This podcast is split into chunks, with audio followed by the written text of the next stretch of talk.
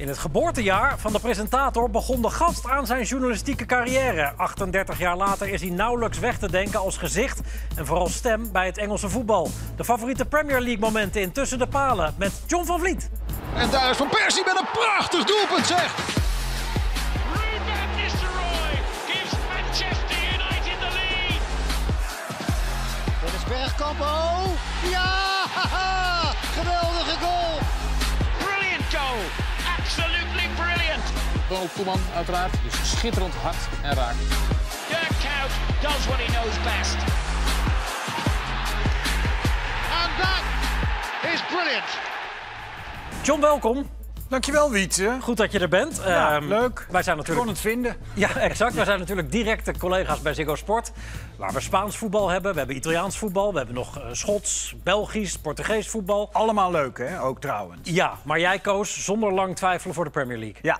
Waarom? Ja, ik ben ehm, denk ik wel een beetje een anglofiel. Gewoon een, een klassieke eh, Engelse man. Dat komt vooral door mijn grote passie eh, buiten mijn werk, namelijk cricket. Ah, Dat is natuurlijk zo Engels als Engels maar zijn kan. En Ja. daardoor ja, volg je sport in Engeland gewoon van kleins af aan. En kwam vanzelf dat voetbal erbij. En dan heb je de magische momenten van zaterdagavond met de BBC en zo. Ja. En op een gegeven moment wordt dat je werk. En dan stap je je eigen, ja, bijna je eigen droomwereld in. komende half uurtje jouw favoriete eh, Premier League momenten. En we vallen maar meteen met de deur in huis. Ja. Met, eh, nou ja, in ieder geval van deze eeuw misschien wel de wedstrijd der wedstrijden. Laten we maar meteen gaan kijken. Wil je, wil je hem zelf inleiden, de Battle of Old Trafford? Ja, dat wil ik wel. Ehm, United Arsenal was in die jaren, ging altijd om de titel. was de classico van Engeland, zeg maar. Dat was, er was ook altijd wat. Die trainers haten elkaar, spelers haten elkaar. Er gebeurde altijd wat. Het bijzondere aan deze wedstrijd is, is dat die in 0-0 eindigt. Ja, dan geef ik een gedeelte van het moment weg, maar dat maakt helemaal niks uit... want de dramatiek daarna is allemaal veel groter. Maar het was een 0-0 en we hebben het er nog steeds over. En dat kwam vooral ook door enorme toestanden aan het einde van die wedstrijd. Nou, kijk eerst maar naar het moment, dan begrijp je ongetwijfeld wat ik bedoel. En je weet ook wat er gebeurt, maar het blijft heel bijzonder. That's a clumsy challenge by Van Nistelrooy.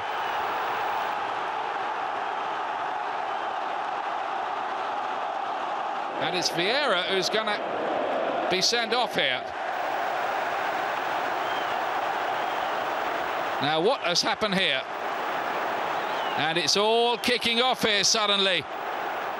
I think Van Nistelrooy doesn't help, frankly, and uh, he's a great player. But I, uh, I think uh, his attitude is always uh, looking for provoke, provocation and diving, and uh, he looks a nice boy. But uh, I think on the pitches, and not always a fair behaviour.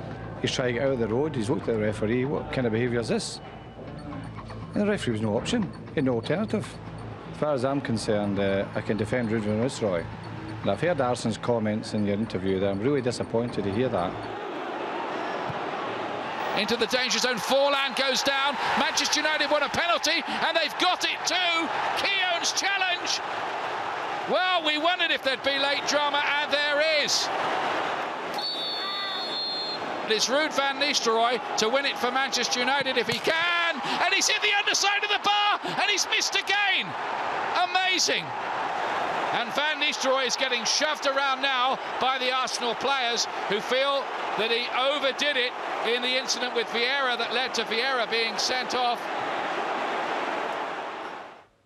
Dat zien we te weinig, hè, eigenlijk. Dat het nog echt die, die lekkere Ja, haat... ja, ik moet er één ding bij zeggen. Want ik doe gigantisch tekort aan de carrière van Ruud van Nistelrooy... door nu deze misser te laten zien. Maar het moment zegt zoveel over de strijd van toen... en tussen die twee clubs, die twee trainers. Daar was al... Nee, je zag het nu ook al. Er was altijd wat. Ik, ik heb ook een beetje na zitten zoeken... maar dan komt het heel snel weer tot leven... Wenger was altijd een beetje de professor en, en de wiskundige. De- ik vind hem ook altijd een beetje op je oude wiskundeleraar lijken... die Ja. je vroeger op school had. En Ferguson was een man van het volk. Hè? Rauw, uit Glasgow en noem maar op.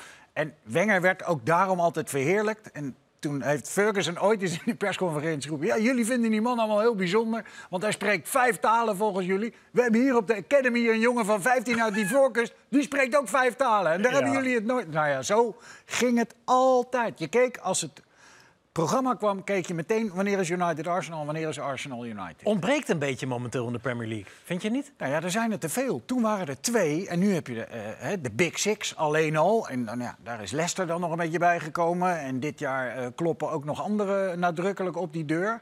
Maar toen waren het er altijd twee die met de prijzen er vandoor gingen. En, en als de een kampioen werd, won de ander de FA Cup. Heel soms won eentje alles, de beroemde treble in 99. Liverpool heeft dat ook nog eens een keer gehad, dat ze al die prijzen wonnen. Maar behalve dan de landstitel natuurlijk.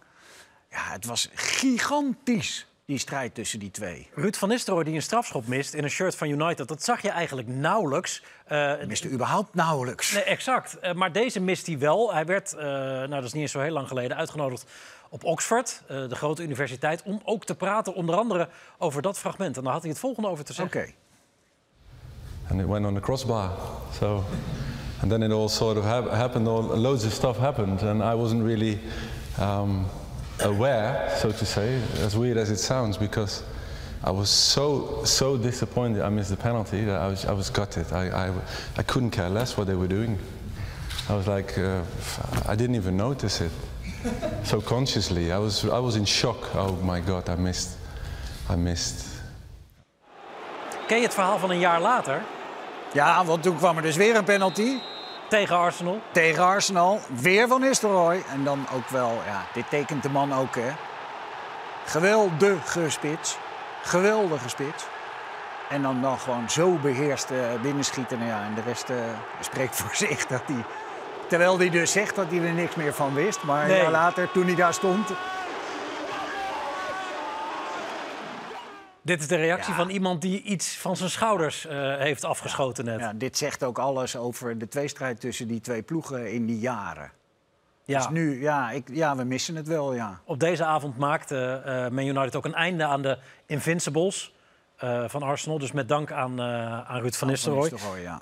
Ja, ehm, Sir Alex, hij kwam al voorbij. Dat, dat is de trainer die wat jou betreft hoog en eenzaam aan de top staat. Ja. Nou, niet eenzaam, nee, want er zijn heel veel goede trainers. Ik had dolgraag, ik ben een enorme fan van Louis van Gaal. Die had ik heel graag.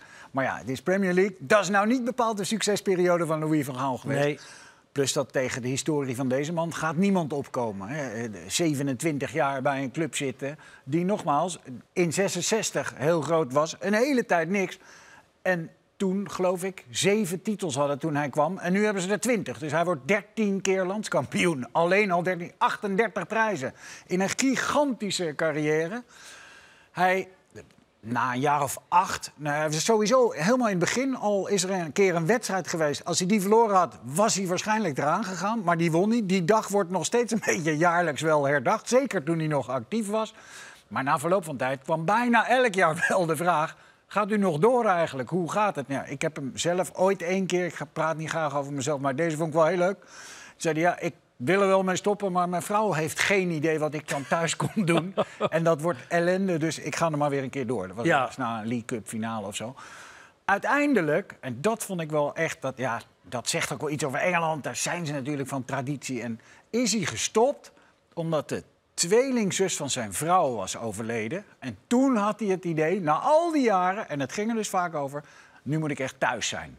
Nu moet ik er voor haar zijn. Na al die jaren dat het om mij heeft gedraaid, nu heeft zij mij nodig. En toen was het ook ineens voorbij. Maar natuurlijk, op zijn Engels, zo verschrikkelijk mooi dat afscheid. Ik heb gelukkig het moment vooraf gezien, anders had ik het denk ik niet droog gehouden. Dat afscheid van hem.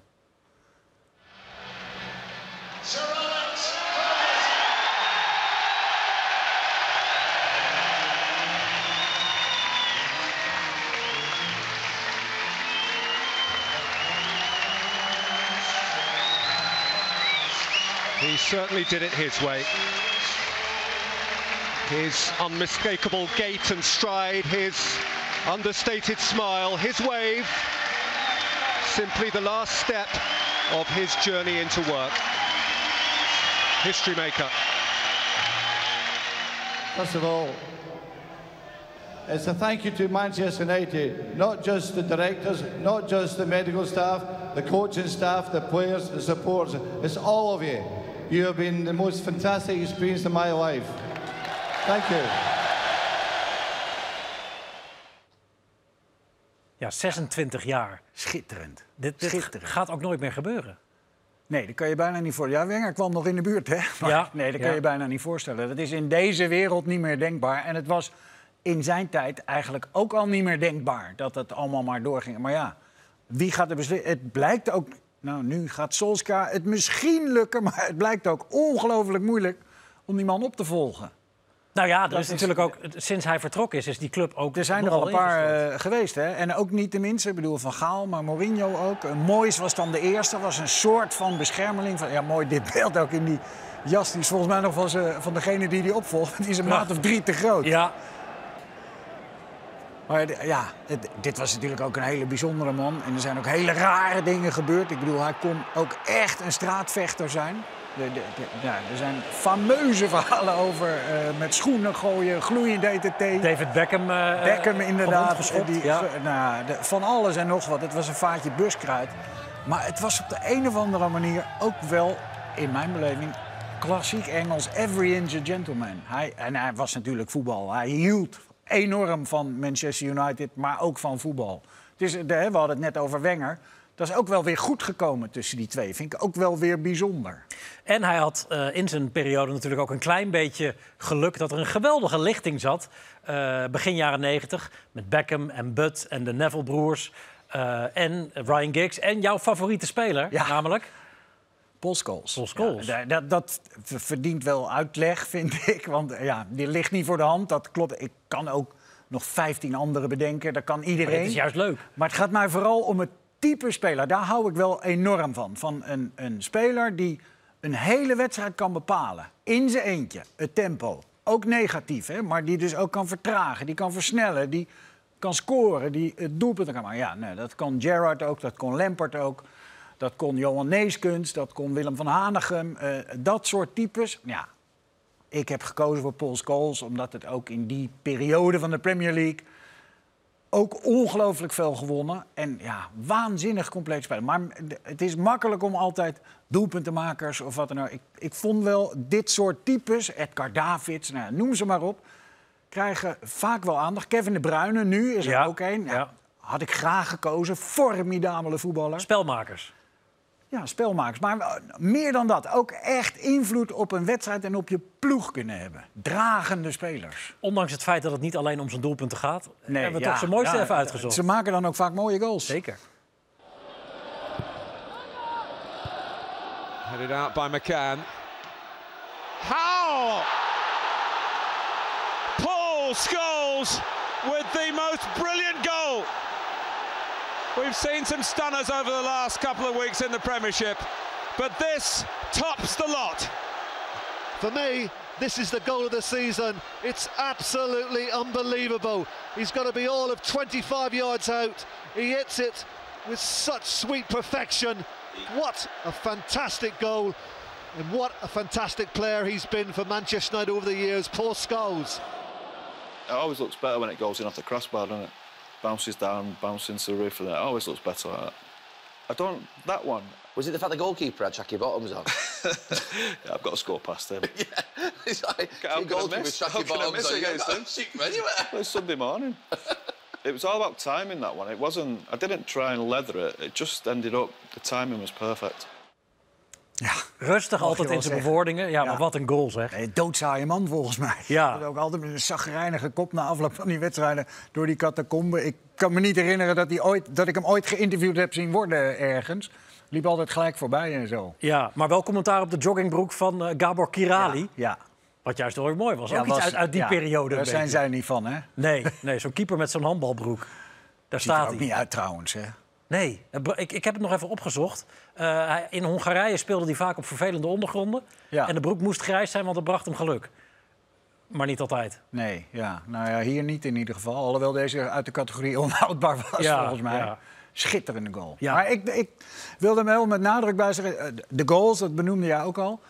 Er is ook niks mee mis met een af en toe een beetje smerige tackle. Of met een, weet je, daar hou ik ook wel van. Dat je gewoon echt aanvoelt wat een wedstrijd nodig heeft. Dus gewoon het, Hij kwam ook nog terug uit zijn pensioen. ja, Hij is een, een half jaar is hij eruit geweest en toen, toen bedacht hij zich... Ja. Ach, Hij zat uh, volgens mij in de trainerstaf, of hij deed iets op Carrington, op dat uh, trainingscomplex van Manchester United. En het ging dramatisch dat seizoen.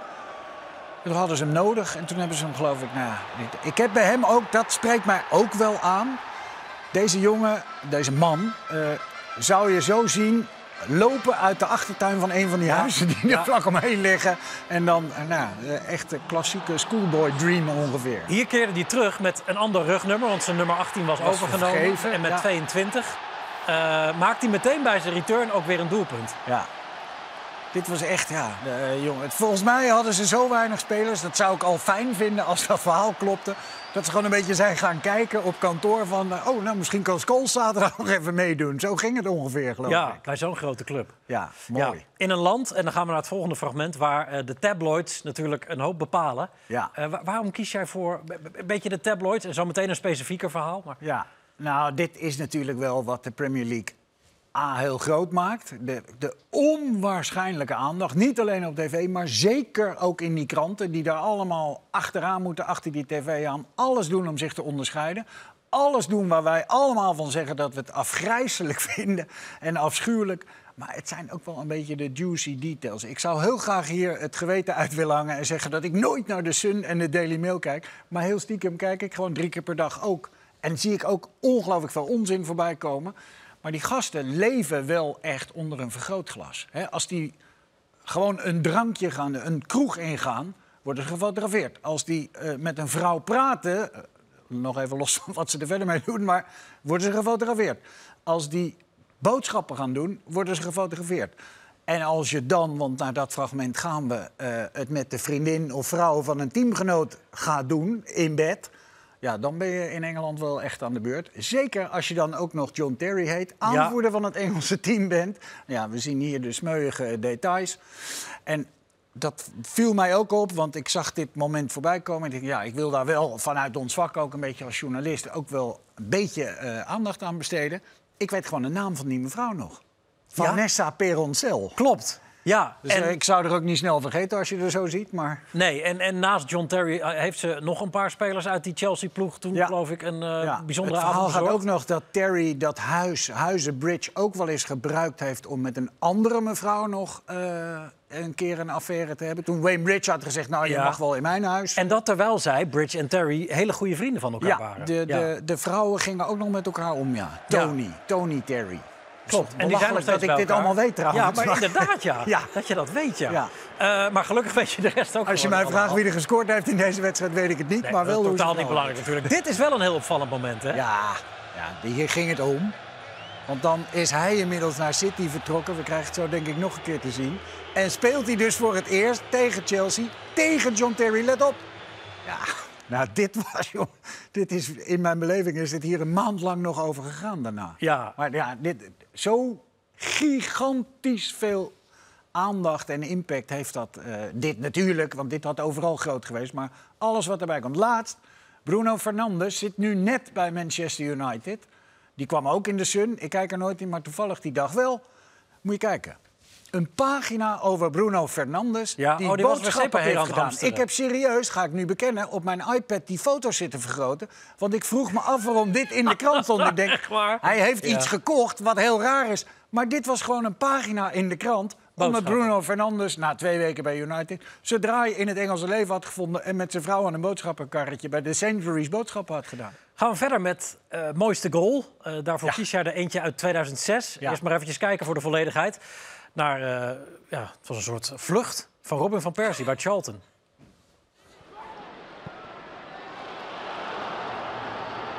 Hey Boué, daar komt Van Persie. Oh, Robin van Persie. Wat een beauty.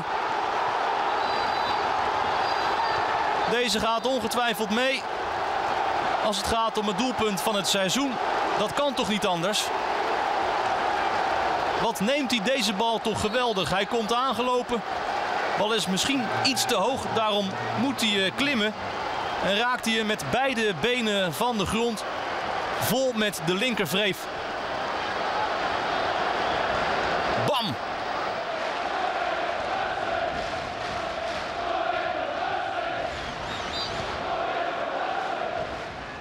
Ja, het is perfect uitgelegd door eh, collega Richard van Ieterson... met een wat jongere stem nog, Ja. 14 jaar geleden. Eh, Fenomenaal doelpunt. Ja, fenomenale voetballer. Ja, Echt een, een puur zang voetballer. Die, de, de- hij hield enorm van die sport. Hield helemaal niet van de franje. Fantastische voetballer. Ongelooflijk balgevoel. Eh, nou, volgens mij heeft Jan van Halst die andere goal laten zien. Die was ook ja fenomenaal mooi. Villa. Maar Ja. ja, ik, En deze trouwens ook, hoor. Maar je kan hem niet genoeg zien. En ik, vond, ik vind dit echt... Ja, ik vond dit een wereldvoetballer. Onwaarschijnlijk aardige jongen. Enorme liefhebber. Waanzinnige eh, voetballiefhebber. En verder geen eh franje. Hij heel zuinig in zijn interviews. Ik vraag me serieus af of ik hem ooit geïnterviewd heb. Maar hij zei in ieder geval vaker nee dan ja. En dat maakte, gaf hem ook iets mystieks. Maar hij wilde gewoon voetballen, voetballen, voetballen. Deze Puur trouwens. voetbal. Ja, deze goal tegen Villa. Ja, die liet Jan zien, maar die lijkt heel erg op die kopbal tegen Spanje. Is een beetje hetzelfde soort bal, alleen valt die drie meter korter. Dus zijn coördinatie en, en alles wat je van balgevoel wisten we... maar dat hij deze bal zo neemt, is bij hem intuïtief, maar ook een soort van... Hij doet alles bijna perfect. Kon ook niet leven met imperfectie, volgens mij. Hij ging naar Man United natuurlijk om kampioen te worden onder Ferguson nog. Dat, dat is gelukt. Maar voor de rest is zijn prijzenkast in Turkije nog wat gewonnen. Ehm, met Feyenoord nog wel, wel iets gewonnen ook. Maar zijn prijzenkast is relatief leeg voor een voetballer van zijn niveau. Ja. Maar persoonlijk heeft hij wel echt het maximale eruit gehaald, toch? Qua prestatie. Ja, ik, de- hij is eh, ook in de categorie voetballer, denk ik, dat het niet zo heel veel uitmaakt. Ja, maakt altijd uit, want het is profsport, gaat om prijs, gaat om winnen. Maar hoe groot die prijzenkast is, maakt eigenlijk niet zoveel uit voor het soort voetballer wat hij is. Want hij heeft wel onvoorstelbaar veel moois laten zien. En dan jouw eh, favoriete, minst favoriete moment. Ja, Nou, wel een favoriete speler van mij, maar met een onwaarschijnlijk donkere rand. Roy Keane. Laten we maar gelijk kijken. Wordt een overtreding op hem gemaakt in 1997. Manchester United Leeds. Hij speelde ooit eerst bij Nottingham Forest. Hier.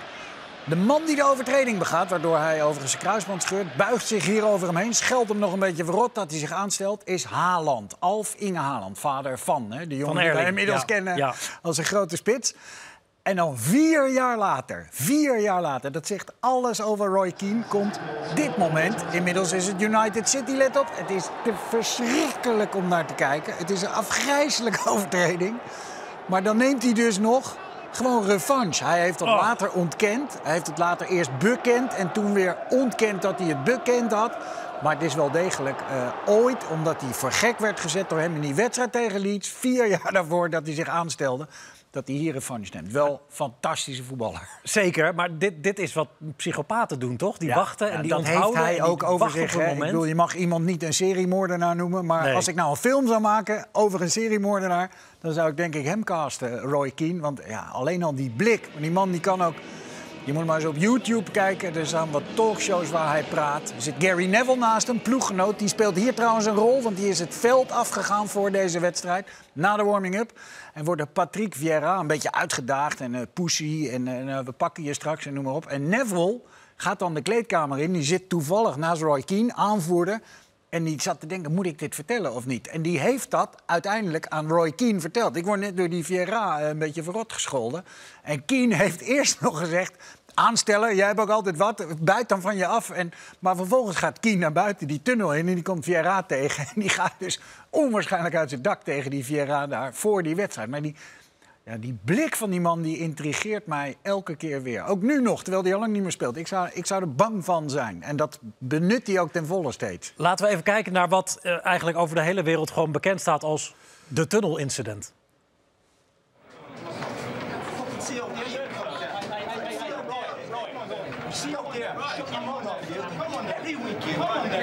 Come on. Come on,